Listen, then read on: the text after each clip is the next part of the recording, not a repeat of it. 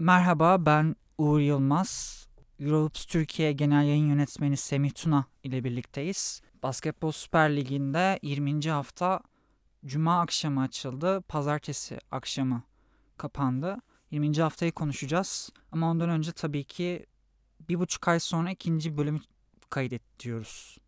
Ee, arada deprem arası oldu. Geçen hafta lig başladı aslında ama birçok sebepten program yapmak istemedik. Yani deprem hakkında zaten söyleyecek fazla bir şey yok. Söylenecek her şey herkes tarafından söylendi. Burada bu bölümü de yaparken hem bizim için hem dinleyenler için bir uzak gündemden uzaklaşma aynı zamanda fırsatı da oluyor. Tabii ki e, kaybettiğimiz herkese rahmet, e, yakınlarına başsağlığı ve depremzedelerin tamamına da sabır diliyoruz. Ayrıca Semih Tuna e, Europs'la birlikte önemli işler yapıyorlar. E, bir müzayede var. Aslında birkaç tane müzayede oldu. E, onlardan bahsetmek ister misin biraz? Evet, e, deprem olduktan sonra tabii biz e, Europs'la bireysel olarak yardımlarımızı yaptık. Fakat e, biz ne yaparsak yapalım bunun yeterli olmayacağını da biliyorduk. Daha üstüne nasıl çıkabiliriz diye düşündük. Burada Merih Demiral'ın açtığı yol bence bize bir ışık gösterdi. Biz neden aynısını yapmıyoruz dedik. Bu da neydi? İşte ünlü oyuncuların imzalı formalarını açık arttırmaya sunulmasıydı. Ee, Europs'un e, kurumsal sosyal sorumluluk projesi olan Eurohop'la birlikte e, biz de forma açık başladık. İlk iki haftayı geride bıraktık. Ee, yaklaşık 60 oyuncuya ulaştık. Ee, onlara da buradan teşekkür ediyorum. Oyuncular olsun, kulüpler olsun, menajerler olsun e, isteklerimizi geri çevirmediler.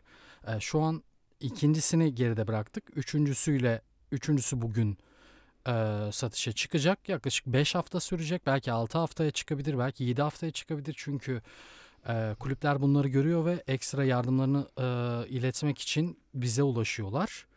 E, biz de en azından elimizden geldiği kadar destek olmaya çalışıyoruz. Ee, Bağışları da Ahbap'a ve aynı zamanda depremzede çocukların yararı üzerine e, yararı için kullanılmak üzere Darüşşafaka'ya başlanıyor. Ee, siz de detayları Euroops'tan görebilirsiniz. Evet e, artık basketbola girelim. Girelim. Cuma akşamı e, Konya'da hafta açıldı. Bu arada yani 20. haftada bittiği için normal sezonun tam olarak 3'te 2'si bitmiş oldu. Konya deplasmanı Türk Telekom 84-75 yendi Konya Sporu.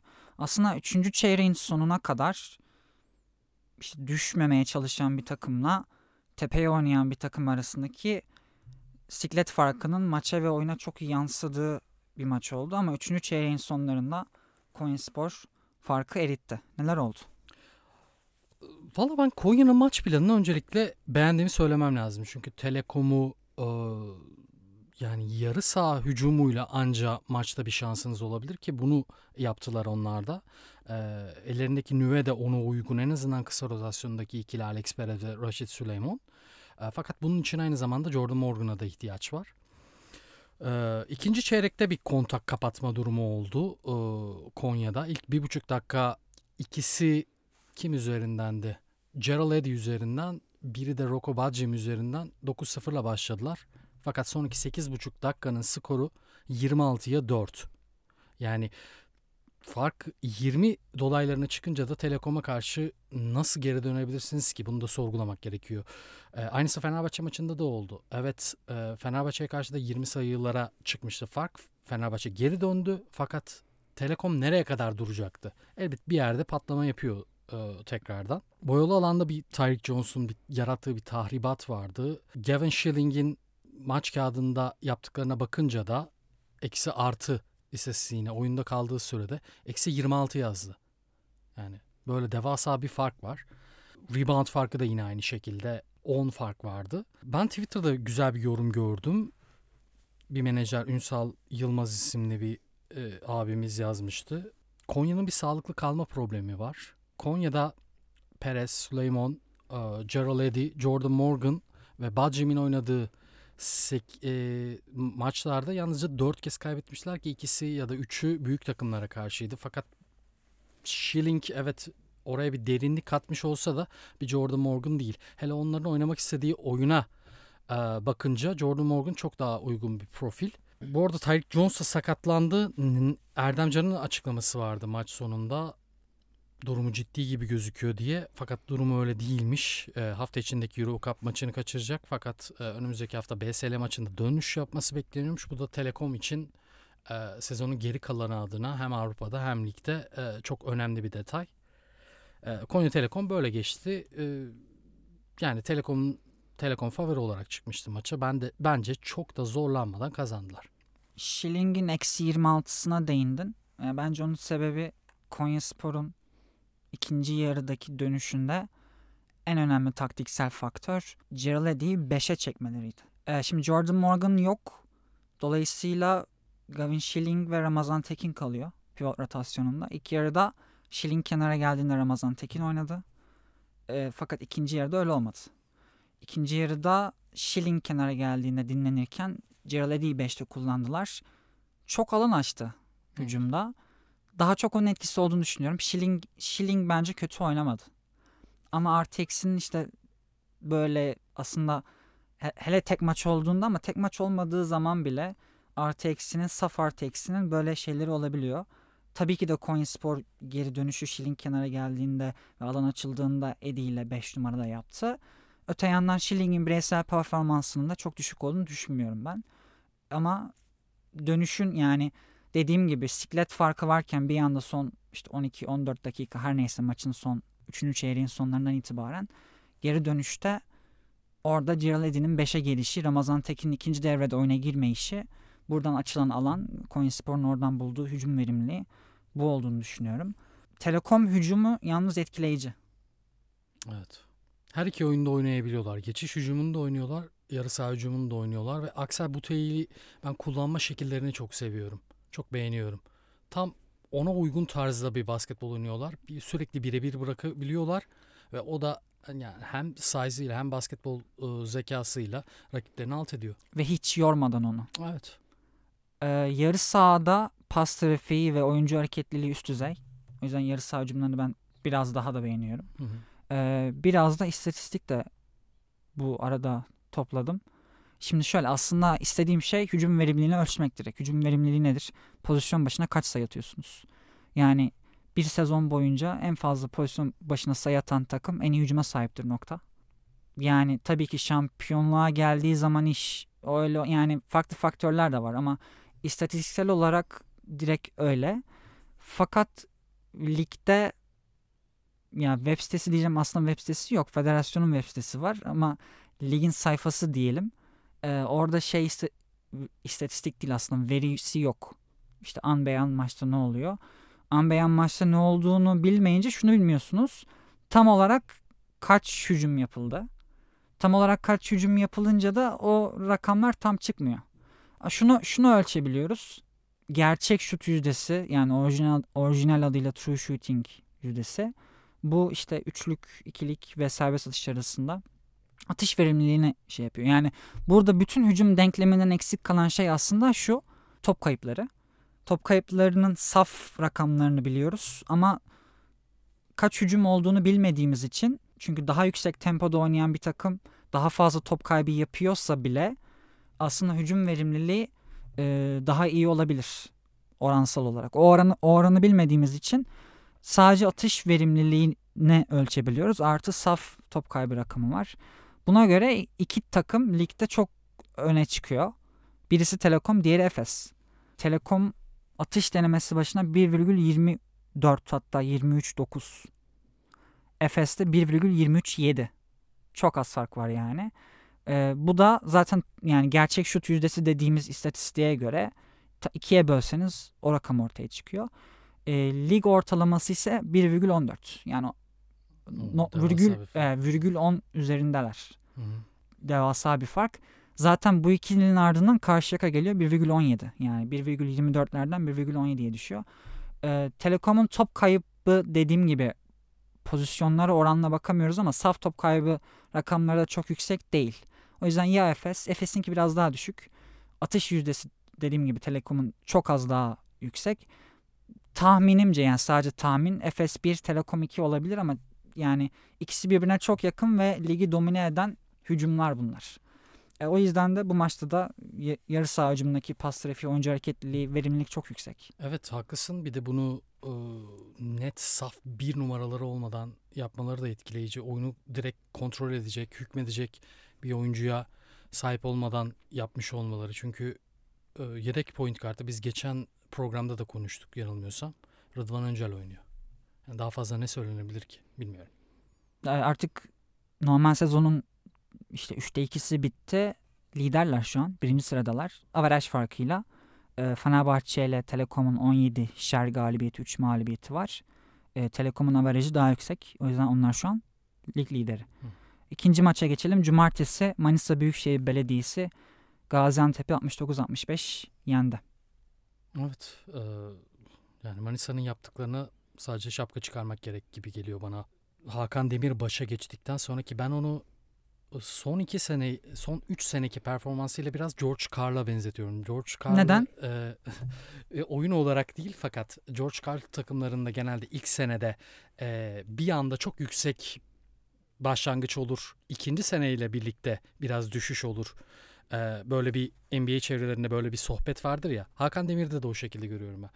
E, Tofaş'a geldiğinde de Tofaş'ı ayağa kaldırmıştı.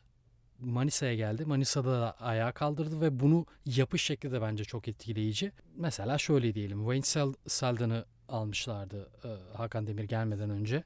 E, öyle skorer bir oyuncuyu hiç kullanmadan hemen göndermeyi tercih etti. John Robertson gibi geçen sene Basketbol Şampiyonlar Ligi'nde ortalığı birbirine katan demeyeceğim ama standartı yüksek olan bir oyuncuyu bench'ten bench skoreri olarak getirmeye ikna etti. Ricky Tarrant gibi yıllarca Türkiye Basketbol Ligi'nde oynamış bir oyuncudan bir cevher çıkardı içinden. Cecil Williams benim meselede 16 takımım olsa 16'sına birden almayacağım bir oyuncuyken ondan eski oyuncusu olarak e, çok verim aldı ve bu oyunculara ana planda rol verdi. Takımı bir amaca inandırdı. E, yani alkışlanması gereken bir performans. Ya ben e, Hakan Demir e, hocacı değilim açıkçası. Bilhassa Tofaş'ın başındayken Rodrik Bobo ile yaşadığı olay e, sonrasında. Bu maçta öne çıkan e, detaylar kısa rotasyonundan çok fazla e, verim alamadı. John Robertson'ın bir e, dönem dönem parladığı periyotlar oldu. Burada öne çıkarmamız gereken oyuncu bende, bence Troy Selim Şav. Geldiğinden bu yana çok büyük bir çıkışta ve e, Manisa'nın son 25 sayısının onunu o attı. Yani sadece skorer oyunundan değil oyunun her tarafına olan e, katkısından ki e, Tofaş maçında da görmüştük. Bu maç bu maçın son çeyreğinde de gördük. E, Cecil Williams'ın işlemediği dönemlerde Manisa çift pivota dönüyor. Anosike ve e, Troy Selimşah'la birlikte ve bu şekilde reboundlara hakim olabiliyorlar. Çift pivot size her zaman bunun garantisini vermiyor ama e, Troy Selim ve Anosike iki maçtır bunu gösteriyorlar. Yani burada bence öne çıkan ben her maç için öne çıkan bazı istatistikler bulmaya çalışıyorum. Burada bence ikinci şans sayıları önemli oldu. 47'ye 30 44'e 37'lik bir rebound farkı var ve çoğu da çift uzundan sonra geldi. Ee, ya Antep geriye döndü. Fakat Manisa kapıyı kapatmayı bir şekilde başardı. Ben e, bu arada yayından önce seninle konuşmadık bunu. Fakat yani bundan sonraki podcastlerde Gaziantep'i e, değerlendirmeyi düşünmüyorum. Çünkü çok büyük bir felaket yaşadılar. Ardından İstanbul'da oynamak zorundalar şu anda. Bazı oyuncuları gelmek istemedi. Büyük iknalar edilerek geldiler. Bir Avrupa Kupası hedefi var. Geçen hafta biz program yapmış olsaydık e, onlar büyük çekmece maçını kazanmışlardı. Geçen hafta için de aynı şeyi söyleyecektim. Çünkü maç sonunda Tutku Açık'ın açıklamalarına bakıyorsunuz bakamıyorsunuz hatta. Bir iki kelime söyledikten sonra gözyaşlarına boğuluyor. E, böyle travma yaşayan e, bir takım oyuncuları hakkında hakkaniyet, hakkaniyetli bir değerlendirme yapmak benim için inan çok zor. O yüzden ben Manisa tarafından tek taraflı bakmak istedim bu maça. Manisa tatmin etti mi galibiyette? Hayır ama onların ihtiyacı olan şey o kaostan, alt sıralardan kurtulmak için olabildiğince galibiyet toplamaktı ve bunu başardılar. Yani Manisa biz en son ilk bölümü çektiğimizde Beşiktaş maçı vardı. Küme düşme için önemini konuşuyorduk. Şu an Manisa Tam 8. Evet 8. ve lig tarihinde daha önce böyle bir şey gördük mü bilmiyorum ama 3'te 2'lik bir kısmını geride bıraktık ve 6. sıradaki takımın düşme ihtimali var.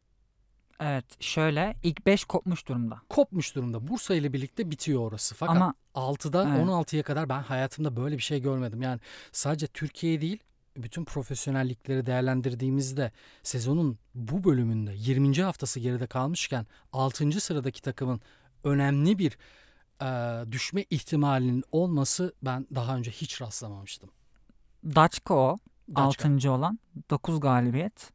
Ee, son sıradaki Konyaspor 6 galibiyet. Evet. 3 galibiyet var sadece ve Çok 10 hafta var. Ve Beşiktaş da 6 galibiyette. Onlar da hemen Konya'nın e, bir üstündeler fakat bir çıkışla bir çıkış var. Onları da birazdan konuşacağız. Yani hiç kimsenin yeri garanti değil. 9 galibiyetli 2 takım var. 8 galibiyetli 4 takım var. 7 galibiyetli 3, 6 galibiyetli 2 takım var. Evet. Yani bu, bu hem aynı zamanda eleme serileri için bir yarış hem de TBL'ye düşmemek için bir yarış. Aynı anda. Evet. Bu bütün kulüpler arasında kalan 10 hafta göreceğiz her şeyi. Evet. Ee, Gaziantep'e dair de şunu söyleyeyim ben de. Futbol kulübü ki aynı kulüp. Futbol şubesi diyebiliriz hatta. Yani aynı şehrin takımı olmanın ötesinde aynı kulüp direkt. Ee, futbol şubesi Süper Lig'den çekildi. Basketbol şubesi çekilmedi. Bunun üzerine aynı zamanda küme düşmeye yönelik kaldırılmasına yönelik bir oylama oldu ligde. Gaziantep aleyhe oy verdi. Ve küme düşme potasındalar aslında onlar da. Bu çok takdir edilesi bir şey. Sezona mesela sezona devam etmek takdir edilesi bir şey mi bilmiyorum. Yani eleştirilecek bir şey de değil ama takdir e- edilesi bir şey de mi bilmiyorum tartışılabilir. Ama küme düşme konusu yani çok büyük çaba gayret var diyecek hiçbir şey yok. Evet.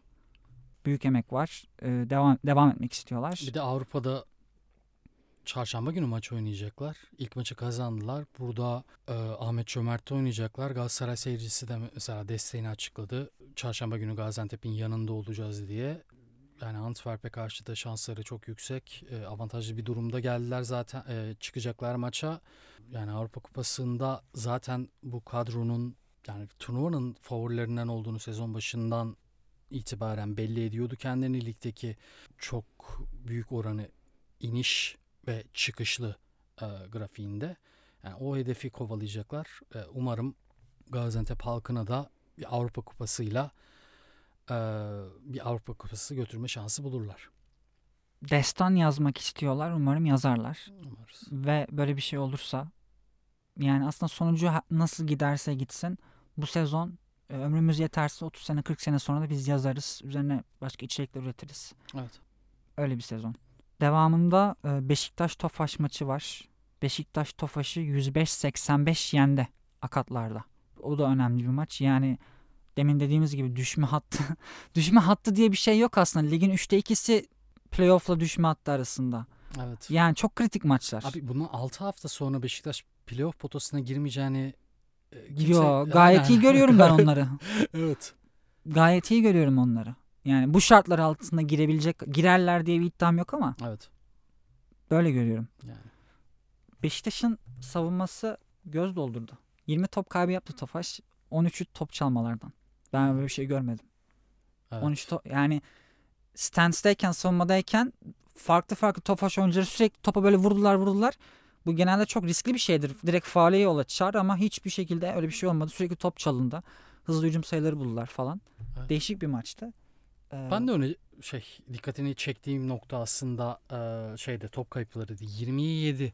Yani üst seviye ligde e, top çalmalar da 13'e 3. 13'e 3. Evet şaka gibi. Yani Parker Jackson Cartwright neden 2 haftadır 2 haftadır neden buraya geldiğini e, gösteriyor. Igor Milicic, Aleric Freeman ve e, Parker Jackson Cartwright arasındaki hiyerarşiyi bence son 2 haftaya bakarsak en azından iyi bir denge oturtmuş durumda orada. Parker Jackson'a liderliği vermiş ki Aleric Freeman'ı e, buna ikna etmek bence çok zor.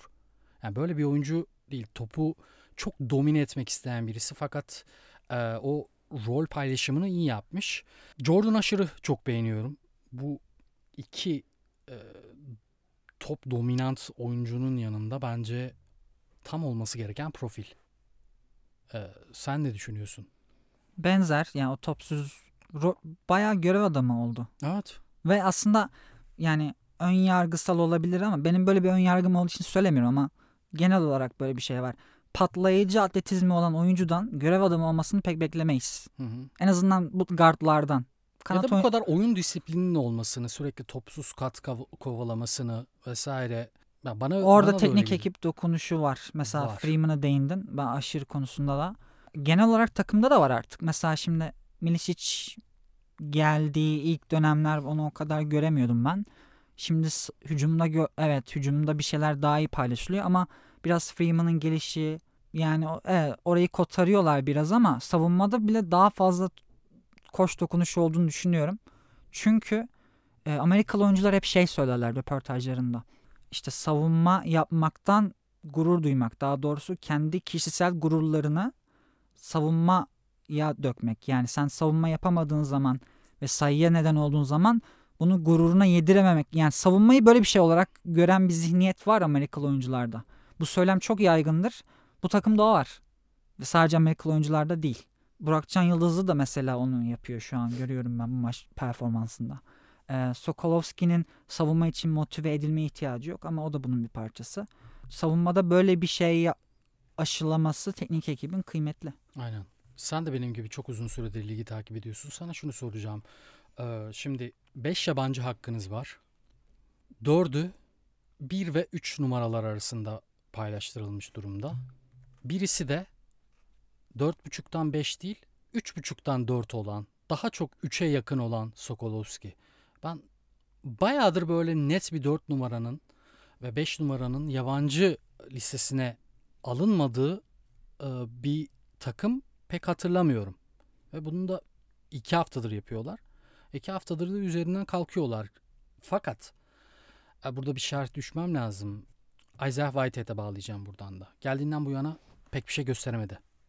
Yani yabancıların kısa rotasyonuna yığmış Milicic. Hareket alanı sağlamak istiyor burada kendine ve bunu da garipsemiyorum. Fakat e, yani McCormack'i burada daha önce de konuşmuştuk. Çaylak bir uzun, küme düşme yarışındasın. Ne kadar güvenebilirsin?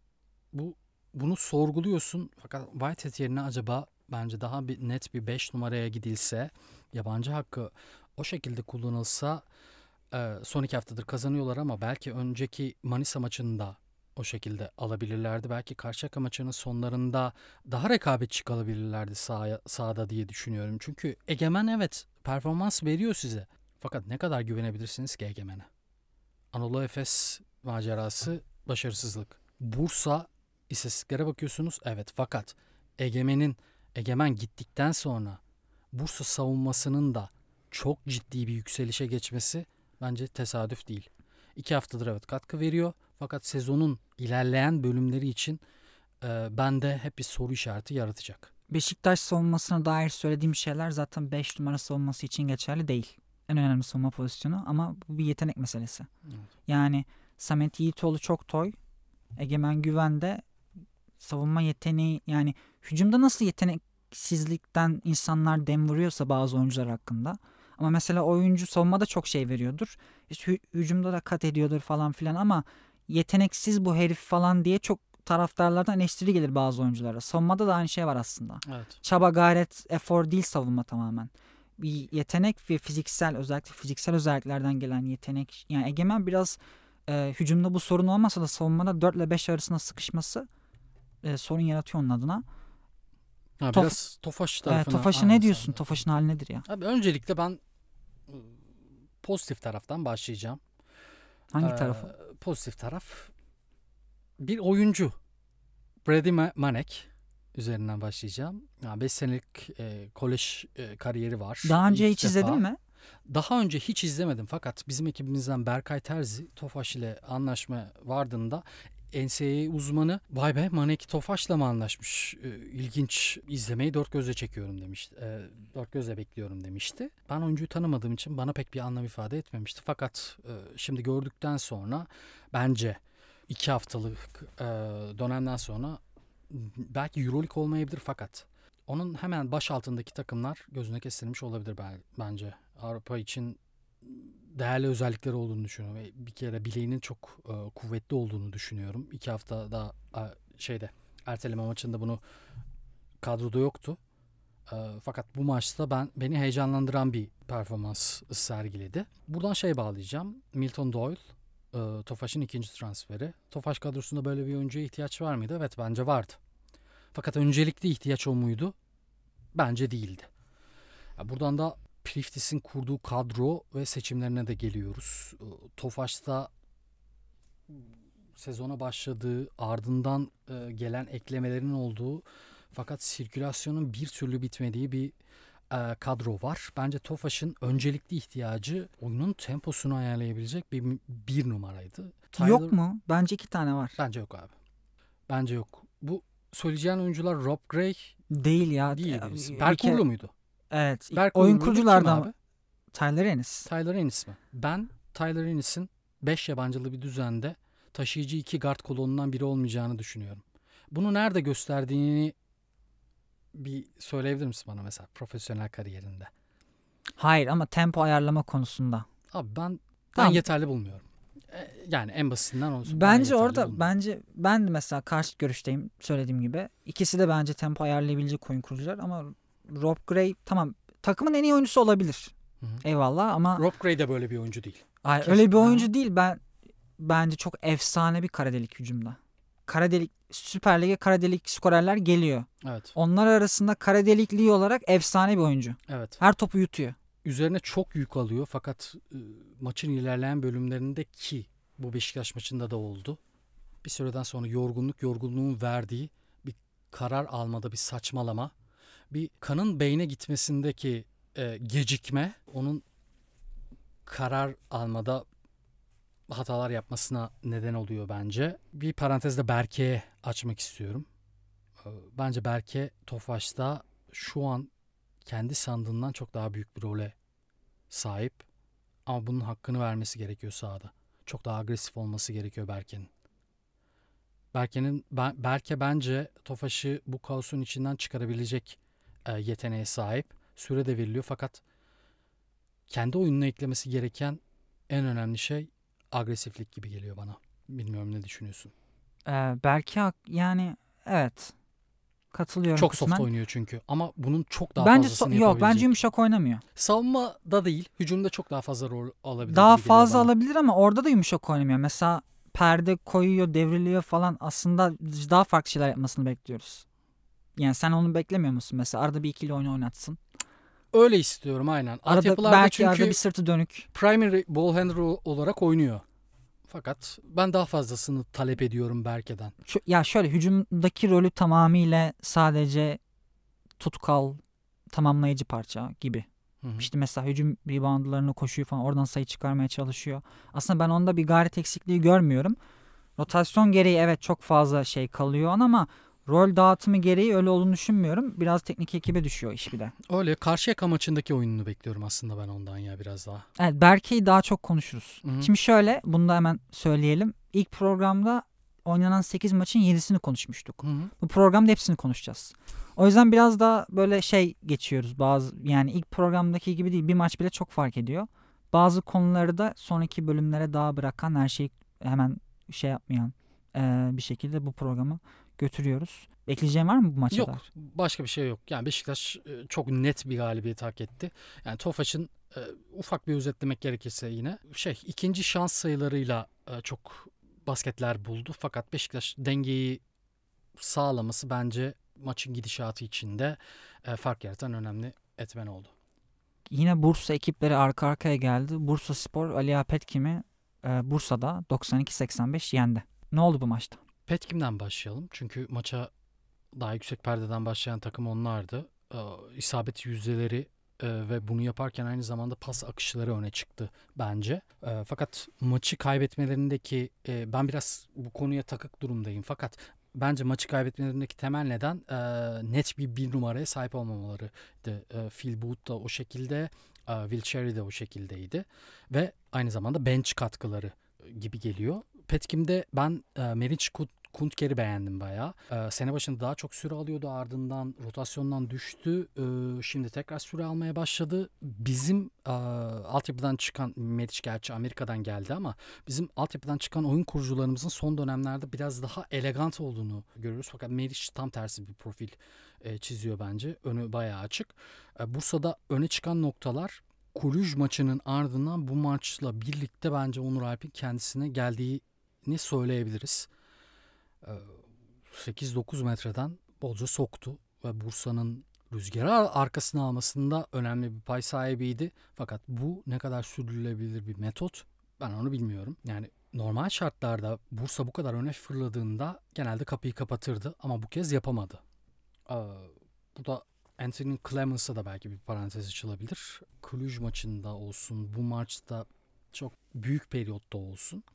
Yani hücumda etliye sütlüye karışmayan bir yapısı beni artık rahatsız etmeye başladı. Çünkü Anthony Clemens geçen sene Türk Telekom'da daha çok e, ball handler olarak oynuyordu. Burada çok kısa bir periyot bence e, oynadı onu.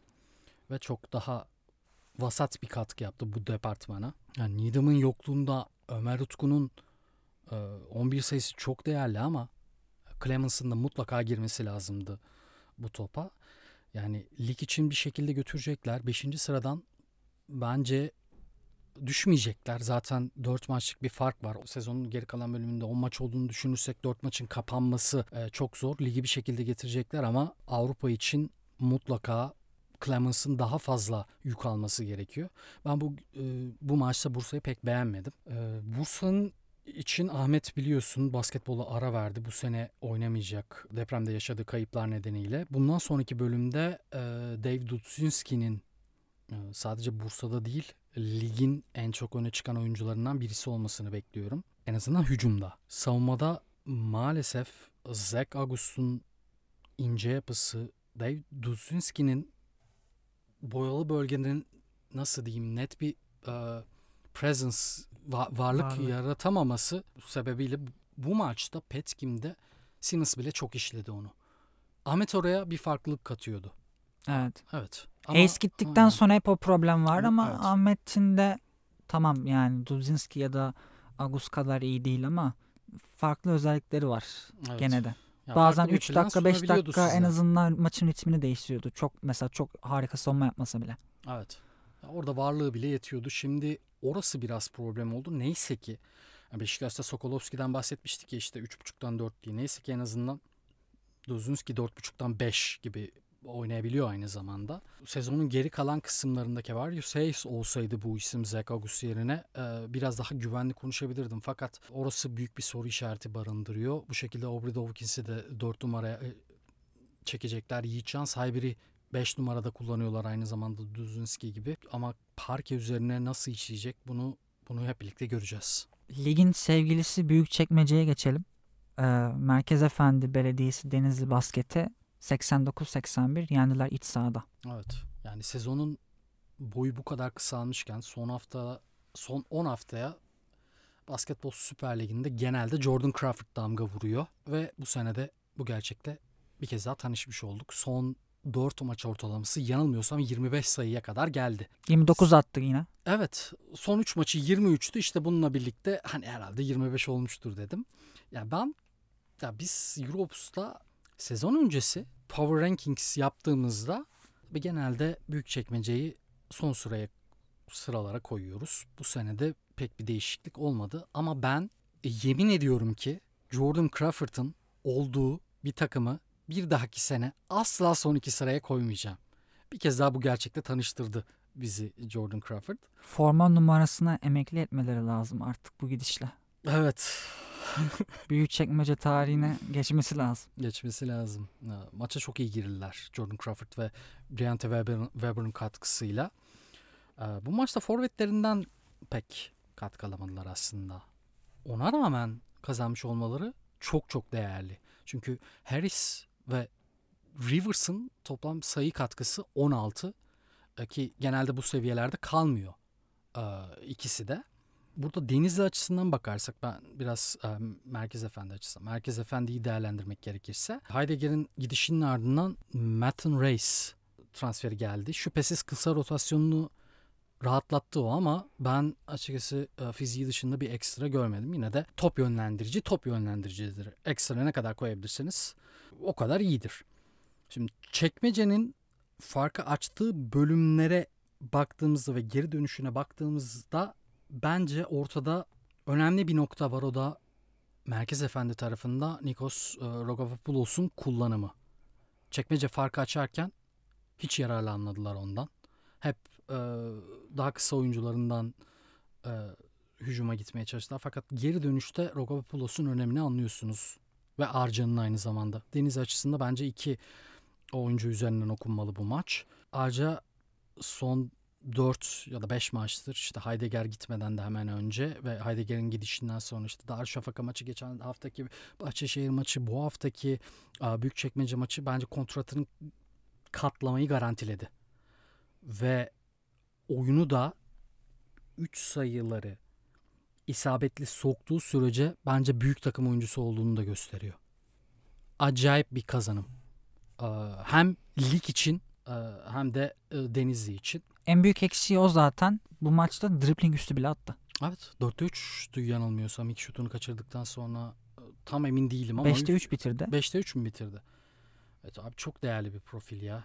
Yani ve ben buna çok bu arada güvenmiyorum. Çünkü en büyük problemi şutu olan bir oyuncunun yani birkaç maçtan daha fazlasını görmek lazım. Buna da yani bel bağlamamak lazım. Abi öyle haklısın ama release'i e, beni o konuda Ama ümit... yok dediğim gibi şu da var yani bomboş köşe üçlüğü atmıyor hazır top.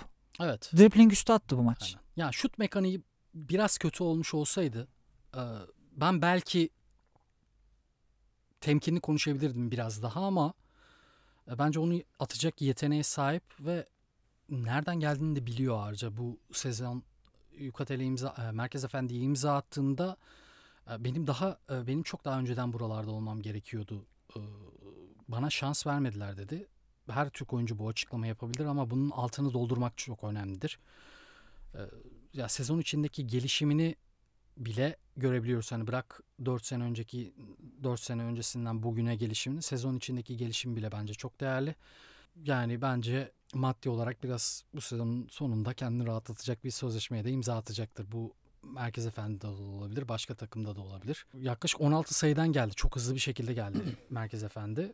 Maçın sonunda da işte Harris gibi, Brent Weber gibi çılgın savunmacıların çılgın savunmacılara sahip olmanın önemi ortaya çıktı. Bir de Jordan Crawford kilidi açıyor. Yalçın Granit derbisine geçelim. Galatasaray 71-65 yendi Darüşşafaka'yı. 2023 yılında ilk Süper Lig galibiyeti Galatasaray'ın. 7 maç kaybetmişlerdi üst üste. Ee, bir galibiyet geldi. Evet korkunç bir maçtı. Çok tatsız bir maçtı ya. Çok tatsız bir maçtı. Kötü oynadılar ikisi de baya. iki takım da. Çok kötü oynadılar. Yani Galatasaray akıcılıktan uzak. Yani takımın e, hocaya olan inancının sorgulandığı bir bu dönem. Yani kadronun hakkı asla bu değil. Pistolis'in istediği tüm transferler yapıldı. Mahir geçtiğimiz haftaya kadar işte Cahay ve Floyd'un sakatlığından dolayı Basketbol Şampiyonlar Ligi'nde kadroya giremiyordu. Pasaportu dolayısıyla çünkü Almanya doğumlu bir oyuncu olduğundan dolayı fakat işte ligde 5 çıkıyor. Yani bu takımla savunma yapmak zaten çok zor. 1 ve 5 numaraları genelde e, dikkat çekeriz savunmada. Fats Russell'ın e, fiziksel defeklerinin yanı sıra e, Mahir Ava ve Dušan Risic gibi pikten sonra e, show çıktıktan sonra dönmekte çok büyük problem e, yaşıyorlar. Bu sadece 5 numaralara değil aynı zamanda takımın kısa oyuncularına da e, rakibin kısa oyuncularının da skor patlamaları yaşamasını sağlıyor. Alper'in aynı e, Houston Rockets'ta Stephen Silas tarafından eleştirildiği gibi tabii ki seviyeler aynı olmasa da en azından profil olarak eleştirme nedenleri birebir benzer bence. Savunma seviyesi arasında çok fark var mı? Ben mesela Alperen... Alperen'le Risic arasında mı? E, Alperen daha iyi. Çünkü en azından geri toparlama dediğimiz savunma mesela geçiliyor Hı-hı. ama hani biraz gençliğiyle de falan Hı-hı. toparlayabiliyor ama mesela Avrupa Şampiyonası savunması da çok kötüydü ki e, kural farkı var arada. FIBA için FIBA kurallarında oynayan uzunların savunma işi daha kolay. Hı hı. Herhalde bunun en iyi örneği Pau Gasol'dur. Özellikle geç kariyerinde. Ama Alperen için öyle olmadı mesela Avrupa Şampiyonası'nda. Hücumda tabii ki devasa ötesi bir fark var. Ama savunmada da tam Alperen daha iyi ama o kadar da fazla bir fark var mı bilmiyorum. Ya olabilir yani Ristic çünkü bir de şey fiziğiyle de ya o da bazen sadece pozisyon bu arada yani Ristic bir kenara koyayım Galatasaray'ın savunması neydi ya? evet yani öyle bir savunmaydı ki bence ilk 10 dakikada Michael Starks'ı e, Chris Paul prime Chris Paul gibi gösteren bir savunmaydı. Ya Sta-. Starks iyi bir oyuncu bence ama mesela şimdi Wayne McCullough bir dip çizgi setinde yürüyerek sayı attı. Evet. Göksen'in uyuduğu pozisyonu diyorsun değil Ve mi? ama herkes çizgide, uyuyor evet. aslında. Herkes Çünkü uyuyor. yani orada hiç kimse ha- haberi bile yok ki hiç kimsenin. Sayı atıldı. Top ortadan geçiyor. Ondan sonra aa ne oldu diye arkalarını dönüyorlar falan. Evet. Ve ben ya bu yürüyerek sayı attı bu çok mübalağa bir laftır. Aynen. E, Çok kullanılır ama mübalağa değil yani pozisyonu izleyin. Wayne McCullough yürüyerek potaya gidiyor ve sayı atıyor. Aynen. İşte orada ben benim açtığım maçı tamamen izleme takıntım var. Öyle bir şey olmasa onu gördükten sonra maçı kapatırdım herhalde. Maç seviyesi iyi değildi iki Evet, takım iyi içinde. değildi. Yani ya, hücum tarafı da iyi değildi. Ben ilk programda hatırlarsan Antep'i biraz Efes'e be- benzetmiştim. Burada da aynı bir e, plansızlık üzerinden, bireyler üzerinden yürüyen bir sistem vardı ki ilk çeyrekte bunu gördük. Galatasaray 11'de 0'la başladı maça. Ve yani Sıfır organizasyon Abi hücumda. kısalar atarsa var e, yoksa kabız bir basketbol Evet, bizi sıfır bekliyor. organizasyon. Aynen. Ya ilk çeyrek 4 sayıda kaldılar. Bana şey hatırlattı. 2006'da Murat Özyer'in başında olduğu Galatasaray Cafe Crown'un e, bir Mersin deplasmanı vardı. Orada iki sayıyla çıkmışlardı ki ben, ben aklımı kaçırmıştım bir basketbol maçının bir çeyreğinde. Nasıl iki sayıyla kapatılır bir çeyrek diye. E, bunun benzerini gördük. 2023 yılında Galatasaray gibi e, çok daha fazla hücum opsiyonuna sahip bir takımdı ki o 2006'da sadece Malik Dixon var. 2007 değil mi ya? Ben 2006 diye kalmış aklımda. Ama belki 2006-2007 sezonunun 2006 kısmıdır. 2006'da şöyle çünkü Murat Özyer Ülker'le şampiyon olmuştu. Evet Onun için 2005 şampiyonluğu e, diyorum. 2005'te Efes o. İlk izlediğim sezon Süper Lig'de Efes'in dördüncü şampiyonluğu. hı hı, Hani bu meşhur e, Ratko Varda Kalit Elemen'in Beşiktaş'ın hı hı. Ülker'i yarı finalde e, bir maçta Kalit Elemen'in de meşhur son saniye basketiyle eleyip finalde Efes'in Beşiktaş'ı yenip üst üste dördüncü şampiyonluğunu aldığı ligin ezip geçtiği sezon 2005-2006 Ülker Ergin Ataman'la başlayıp Evet. Murat Özer'le biten O sezon. Savaş'ın ilk e, şeye çıktı aynen sahneye çıktı. 2006-2007 o zaman e, muhtemelen ülkenin kapandıktan sonra işte şeylerin e, Cafe Crown'un, Kola Turkan'ın e, ve Fenerbahçe Ülker'in oluştuğu sezon aynı zamanda. Muhtemelen 2006-2007 Galatasaray'da Gerald Fitch vardı e, o sezon hatırlarsın. Adını iyi andım. Fes Russell, e, Malik Dixon, Gerald Fitch, Galatasaray guard, skorer guard, soy kütüğünün devamı olarak böyle heyecanla beklenilen bir oyuncuydu. Fakat çok yontulması var ara. e, çok yontulması Şu an direkt ben tel tel dökülüyor. sana. Evet bence de. Yürekli bir oyuncu. Öyle. Çok takdir ediyorum. Yürekli bir oyuncu hakikaten. Ama teknik sorunlar var. Bir potaya gittiği zaman bitiremiyor. İki dış şut performansı düşük. Evet. E ne yapacağız? O zaman skorer olarak ne yapacaksınız? Ha, sezon ortası gelmek elbette kolay değil. Ayrıca şu an e, hiçbir organizasyon tamamıyla bir organizasyonsuzluk halinde hücum eden bir takımda da hiç kolay değil. Ama iyi pozisyon bulduğu zaman bile bitirişleri çok sıkıntılı. Pota civarında ve dış şutu da gelmiyor. Şu an tel tel dökülüyor. Evet haklısın. Ya bu arada şeyden Ratko Varda'yı andın. Çok kısa gireceğim. Giriş var. Biz bizim program böyle. Yani şey, ayrıca bunu konuşmadık ama böyle olmak zorunda yani. Evet. Geçmişe referans, Aynen. tarihsel bağlam vesaire. Nostaljiyi çok lazım. seven birisi olarak nostaljiyle beni her şekilde kandırabilirsiniz. Bu sadece basketbol değil hayat olarak da e, sürekli o tuzağa düşüyorum ben. Ratko Varda dedim bir heyecanlandım. Acaba Ratko Varda o final serisinde formasını çıkarıp e, final serisinin yanılmıyorsam 3. maçında yere atmasa Türkiye kariyeri devam eder mi diye hep uzun yıllar boyunca kendime sormuştum. Edebilirdi herhalde. Bayağı iyi sezondu. Çok iyi bir Yani sezon. Elemin hakikaten. mesela çok kaymağını yedi daha sonradan onun. Gerçi Aynen. Telekom'da da iyi oynadı da yani. Yine de. Ee, şeyde hani birikiminin hmm, yüzde seksenini Türkiye'den az o maç dışında Türkiye'den yaptığını söylemekte o iki sezon ile birlikte pek de e, şaşırtıcı olmaz yani. Şey maça dönecek olursak abi. Ya Galatasaray'ın dönüşü nasıl oldu? Bence matchup sonla birlikte oldu. Daçka tarafından bunun çözmenin yolu bence bence değil. Bunu çözmenin yolu genelde yüksek posta bir adam yerleştirmek. Olaseni ile bunu hiç düşünmediler. gerçi düşünmediler demeyeyim. Muhtemelen gerçekleştiremediler. Çünkü Oluseni bence işte büyük çekmeceyle geldi. Bursa ile devam etti. Son iki senede de Daçka'da ilk geldiği döneme göre yüksek postan pas alışkanlığını çok e, ileri seviyeye çıkarmış bir oyuncu. Fakat bu maçta hiç kullanamadılar onu. E, Galatasaray'da sadık ve aynı zamanda Dylan Ennis ki neden bilmiyorum Galatasaray çevrelerince çok eleştiriliyor. Geri dönüşün en büyük mimarlarında. Performanstan çok tavırla eleştirildiğini gördüm ben. Performans eleştirisi de var mı çok? Var abi. Hı hı. Var. Ya ben açıkçası şey Ama ikisi- yani tavra ikisi- değil de hani tavır aklıma bile gelmedi biliyor musun benim? Yani sadece oyun olarak da işte takip ettiğim Yo, ben de genelde öyle bakarım. Yani çok e, eleştiriliyor. Neden eleştirildiğini bilmiyorum. Tyrese McKee'nin seviyesi belli. Fats Russell'ın yontulması gerekiyor şu anda. E, Galatasaray bir numarası olacak bir en azından bu sezon özelinde bir oyuncuya çok benzemiyor. Burada sizin Dylan Ennis'e transfer sezonunda kapanmışken sıkı sıkı sarılmanız gerekiyor. Bence bunun altından da kalktı Dylan Ennis e, bu maçta. Göksen'in son 2-3 dakikaya kadar maçın en kötüsüydü bence. Yani niye bu kadar oynadığını anlamıyordum. Bunu sorguluyordum maçı izlerken. Sonra Evet. gene Yani 2 3 dakika maçı çözdü. Sağda iki tane çok çok kötü takım vardı. Biraz daha az kötü olan takım kazandı. Bence Darüşşafaka başını taşlara vurmalı bu maçı kazanamadığı için. Böyle bir Galatasaray'a karşı kazanamadığı için.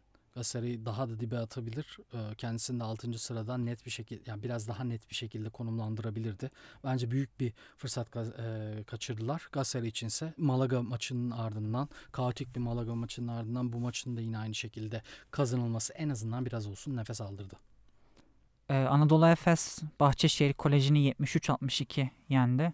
Ee, bu maçı izlemedim ben. Direkt mikrofonu sana bırakıyorum. Olur. Ee, Hazırlık maçı ölçüsünde bir karşılaşmaydı. Ya Başakşehir iyi başladı. İlk 5 dakika 18 sayı. Ardından gelen ilk 7 dakikada 2 sayı.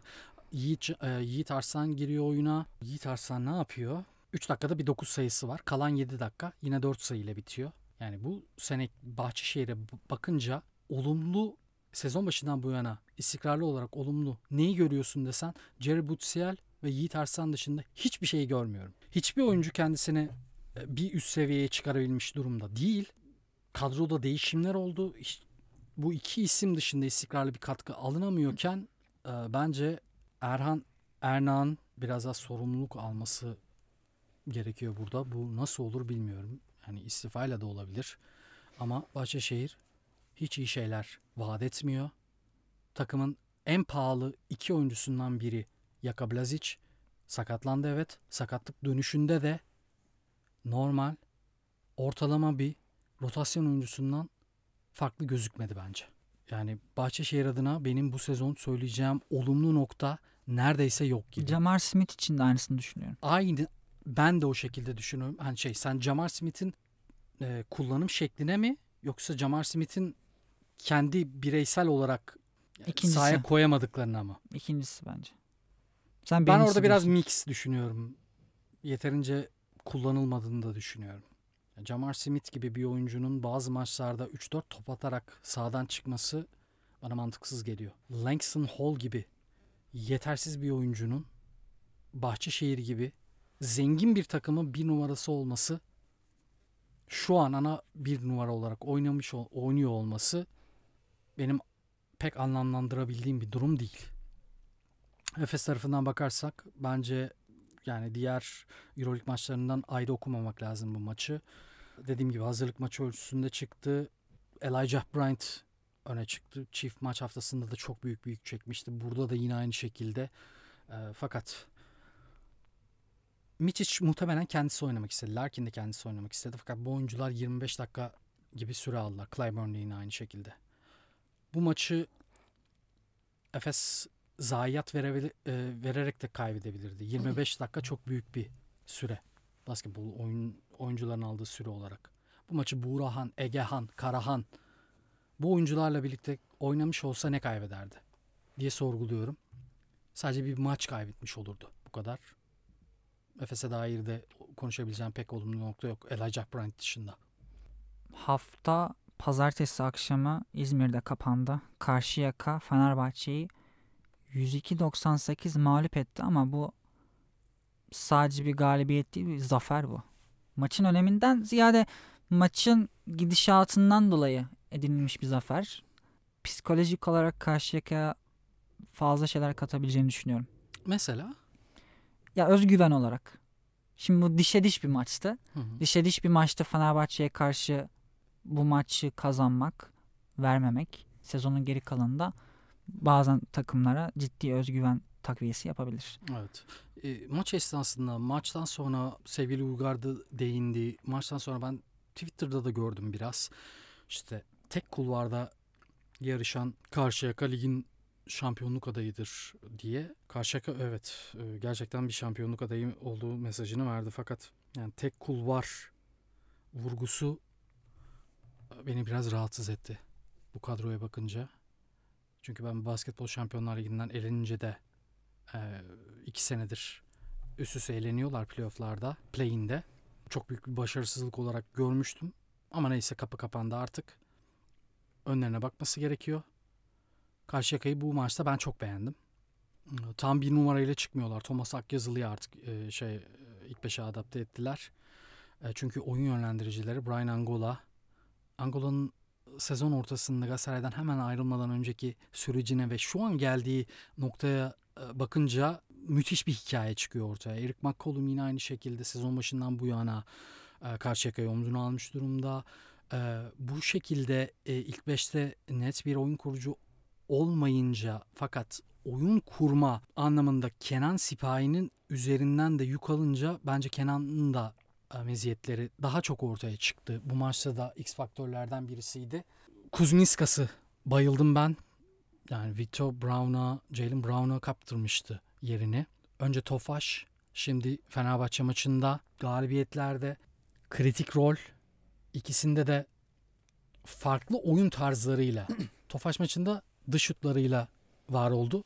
Fakat bu maçta topsuz katlarla, hücum reboundlarıyla e, var oldu. Ve sırtı Tofaş'a- dönük Evet. hücumlar. Yani Tofaş'a şey e, pardon Karşıyaka'ya bir derinlik kattığı kesin Kuzminskas'ın. Ben Vito Brown'u beğenen birisi olarak herhalde sezonun kalan bölümünde bir sakatlık görmediğimiz takdirde 5 yabancı tercihin bu şekilde olacağını düşünüyorum. Fenerbahçe tarafına bakacak olursak a- ben Fenerbahçe'yi beğendim. Başka bir takıma karşı oynamış olsalar bu ma- şeyden oynadıkları maçtan galibiyetle ayrılırlardı muhtemelen. Fakat bazen hani çoğu şeyi doğru yaparsınız fakat rakibiniz sizden daha iyidir. Bence Tam böyle öyle bir maç oldu. Tam öyle bir maç. Aynen. Yani Kalates'le birlikte e, düşük tempoda oynamak çok zordur. Fenerbahçe bunu yapmadı. Pas adedini arttırdı. Kalates'in defektini de saklamak için ki bu maçta aslında bir defekt olarak gözükmedi. Marko Guduric e, sorumluluğu aldı. Yarattı, bitirdi. Her şeyi yaptı. Tarık Biberovic'den ara ara katkılar aldılar. Fakat sadece 5 yabancı kullanabiliyor Fenerbahçe. Ha mesela burada Motley yerine e, Motley yerine demeyeyim pardon. Motley'nin arkasından Cekiri ilk kullanabilseler veya Bielitsa'yı e, rotasyona sokabilseler belki biraz daha farklı şeyler konuşabilirdik. Şeye bakınca da bilhassa bench'ten gelen 5 numaraların katkısı arasındaki farka bakınca Deniz Kılıçlı abi Deniz Kılıçlı'dan korkunç bir katkı aldılar pozitif anlamda. Diğer tarafta mesela Samet'e bakıyoruz. Yer rotasyonundan pek katkı alamadıklarını görüyoruz. Yani dediğim gibi yani bazen bir takım sizden daha iyidir. Siz de iyi olsanız da böyle bir maç oldu. Ee, bu sezon izlediğim en radikal maç. En radikal maç derken Süper Lig'i kastetmiyorum. İzlediğim bütün basketbol maçları arasında en önde geliyor bu alanda. Keyif anlamında mı? Hayır. Bundan neyi kastediyorum? Şunu kastediyorum. Yerleşmiş basketbol söylememize değiş belki revize etmemiz gereken çok temel bazı örnekleri radikalce gösteren bir maç oldu. Bir kere maçta 200 sayı atıldı. Ve ben bu maçı savunma maçı olarak görüyorum. Çok yani şöyle bu sabah hala sitede şey yoktu. TBF'de istatistikler yoktu. Yani girdiğim zaman tblstat.net'te de yoktu haliyle. O istatistikler olmayınca bir hücum sayısı tahmini yapamıyorum. Dolayısıyla hücum sayısı tahmini yapamayınca pozisyon başına kaç sayı atıldığı tahmin yapamıyorum. Ama bence çok yüksektir. Peki pozisyon başına çok fazla sayı yani yüksek tempo geçti maç. Yani öyle yüksek tempo geçer ki 200 sayı atılsa da aslında savunma maçı olduğu anlaşılır. Öyle değil bence hücum verimliliği rakamlarda yüksek çıkar bu Evet. maçta. Ama ona rağmen savunma maçı olduğunu düşünüyorum. Çok temaslı bir maç değil miydi Kenan ve Guduric arasında? Herkes arasında. Evet. Herkes arasında. Ve şöyle neden peki Fenerbahçe tarafında 2-3 tane böyle son saniyede olmadık şutların girmesi. Karşıyaka'da biraz daha maçın sonunda daha proaktif ama yine çok zor el üstü şutların girmesi biraz hücum verimliliğini tırmandırdı.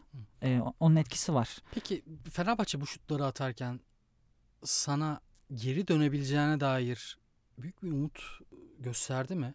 Ya maç kafa Bence göstermedi. maç kafa kafaya gitti ama hani son birkaç dakikayı diyorsan çok ekstrem şutlar oldu Nigel Hayes'in olsun, Scottie Wilbeck'in Evet. olsun. Fakat ben o esnada bile şey Karşıyaka'nın kazanacağından emin gibiydim ya. Şimdi bu çok temel bir şey. Bu maça dair söyleyeceğim çok şey var. Çünkü dediğim gibi e, basketbol anlamında zihnimi en çok açan maçlardan biri bu sezon. E, kalite olarak da yüksek bir seviyeye koyuyorum. Yani hem çok iyi çok iyi derecede savunma maçı olup bu kadar da atışların girdiği, el üstü şutların atıldığı falan bir maç olması bunu e, ön plana koyuyor. Şimdi en başta söyleyeceğim şeylerden biri maça girişle alakalı. Karşıyaka şuradan girelim aslında.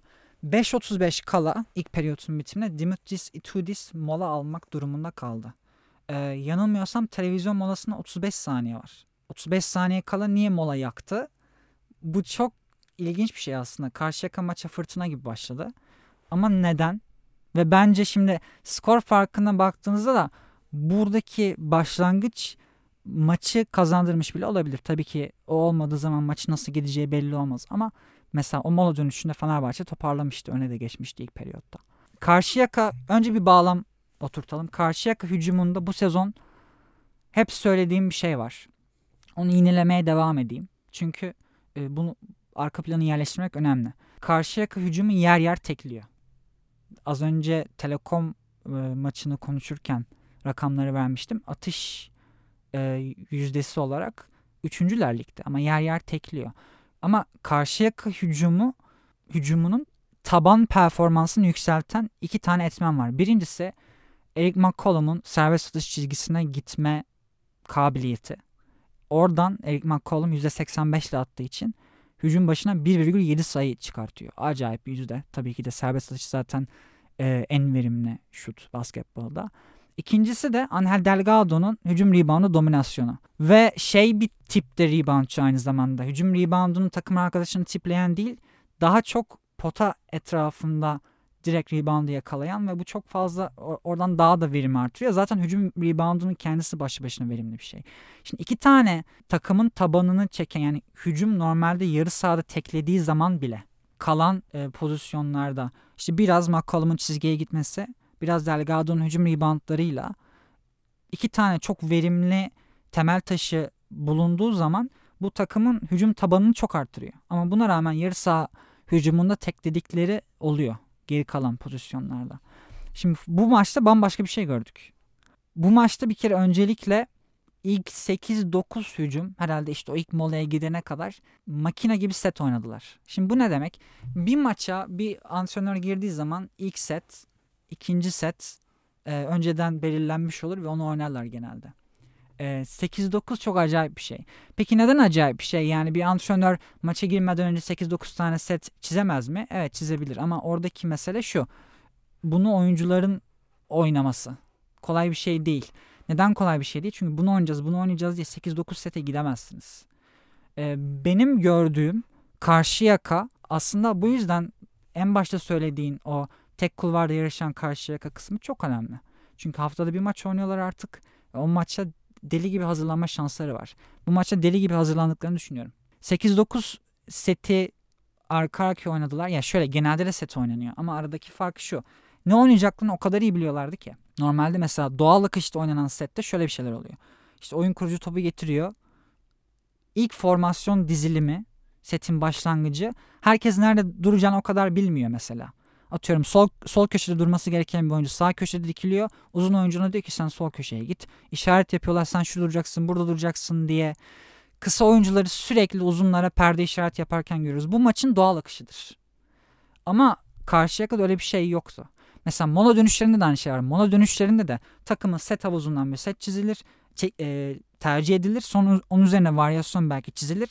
Ne oynayacağı çok belli olduğu için o zaten mola dönüşü setlerinin sayı çıkarma istatistiği çok yüksektir normal pozisyonlara göre. Şimdi yani mola dönüş 8-9 set oynamış gibiler oldu bu maçta. İşte bu molayı da bu getirdi. Farkı da bu getirdi. Burada şunu benze- şunu benzetiyorum. Aklıma bu gelmişti izlerken. Bir klasik satranç oyuncusunun maçın açılış kısmı için hazırladığı ezberi karşılıklı oynanan onlarca hamleden sonra hala sürdürmesi gibi bir şeydi. Ya bu gördüğümüz bir şey değil basketbolda pek ender rastlanan bir şey. Yani bir, birkaç dakika boyunca bütün hücumların önceden hazırlanmış, idmanda pratik edilmiş e, bu şekilde uygulanması. Ha buradan canavar bir hücum çıkarmadılar. Şöyle bir şey de oldu. Mesela Eric McCollum'a bir tane sol e, dipe paralel orta mesafe hazırlandı. Gayet müsait pozisyonda kaçırdı olabilir. Jalen Brown üzerinden çok ilginç bir plan vardı. Bence onun topsuz skorerliğini iyi bir maç planı yaptılar orada ama Fenerbahçe savunması baş gösterdi. Zaten çok formda Fenerbahçe savunması. Birkaç gün önce de Barcelona maçında da topa baskı olsun, topsuz savunma olsun. Guardlarda çok iyiydi. Jalen Brown'un da savunmasını çok iyi yaptılar. Ya orada tıkır tıkır işledi hücum. Burada nadir görüyor olmamızın esas nedeni ya bu çok ciddi kolektif pratik istiyor. Dolayısıyla idman mesaisi istiyor. Karşıyaka teknik ekibi bu idman mesaisini buna ayırmış. Buradan da bir avantaj çıkardılar. Biraz taşın suyunu sıktılar. O yüzden sadece takdir etmek düşer. İşte aslında gene buradan da bir savunma hikayesi çıkıyor. Çünkü Fenerbahçe o topları savunabildiği kadar iyi savundu. Ama yine de biraz afalladılar arka arkaya gelmesi sonucunda. Şu da var şimdi mesela bir seti oynuyorsunuz setin farklı varyasyonları ve opsiyonları var. Birinci opsiyon olmayınca ikinciye geçer. Üçüncü, dördüncüye geçer. Genelde doğal oyun akışında bir setin farklı opsiyonlarına giderken arada duraksamalar olur. Hiç duraksama yoktu. Böyle bir maç hazırlığı pek görülmez. E, maç hazırlanmak için bol vakitleri, bol şansları var ama yine de belki de yani skor dengesi açısından maçın hikayesi olarak değil ama skor dengesi açısından maçı kazandıran şeydi. Bir de dediğim gibi yani Fenerbahçe'nin savunmasıyla evet ama öte yandan karşı yakanın savunması da çok üst düzeyde.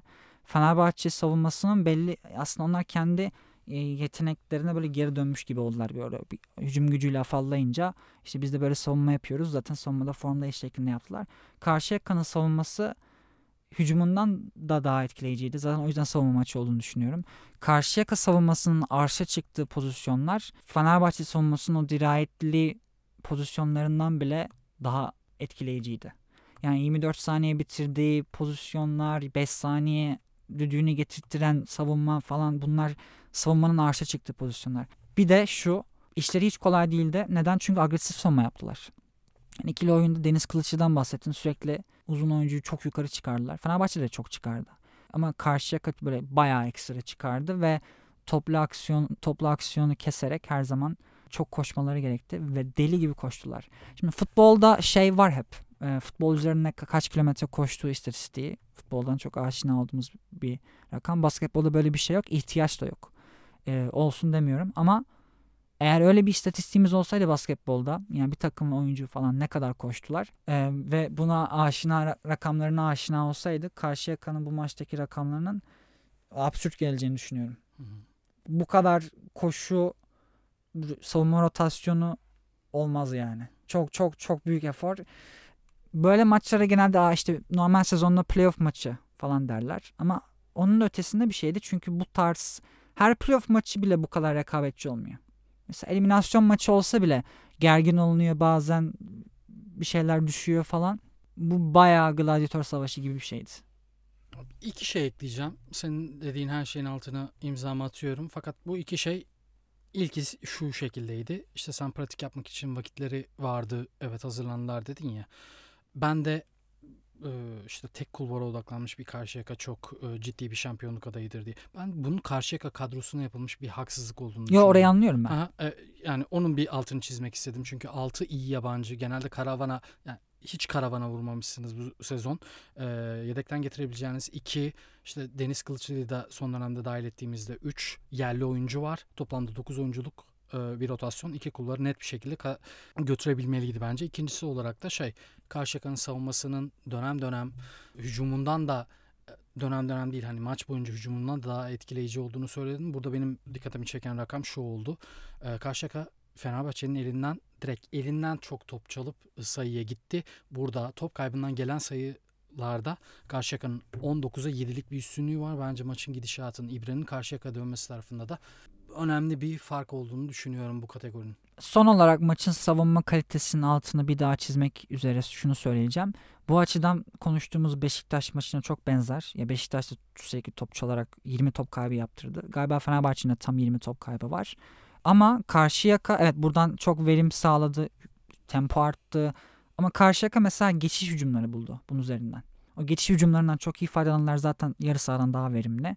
E, leblebi gibi şut soktular. Mesela Beşiktaş maçında ise şunu gördük. Beşiktaş o top kayıplarını yarattığında direkt hızlı hücuma çıktı. Yani ortada geçiş falan yoktu. Direkt potaya gittiler. Yani Fenerbahçe geçiş savunması da yani topu kaybettikten sonra çok üst düzeyde.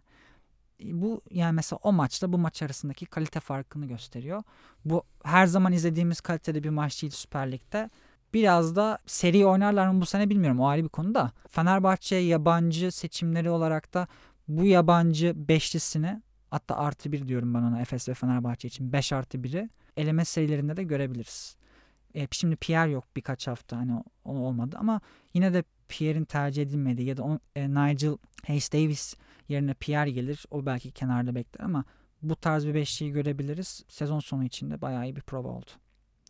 Ekleyeceğim bir şey var mı? Yok teşekkür ederim. Ağzına sağlık. Bu hafta da bizden bu kadar. Haftaya görüşmek üzere. Teşekkür ederiz. Hoşçakalın. We'll be right back.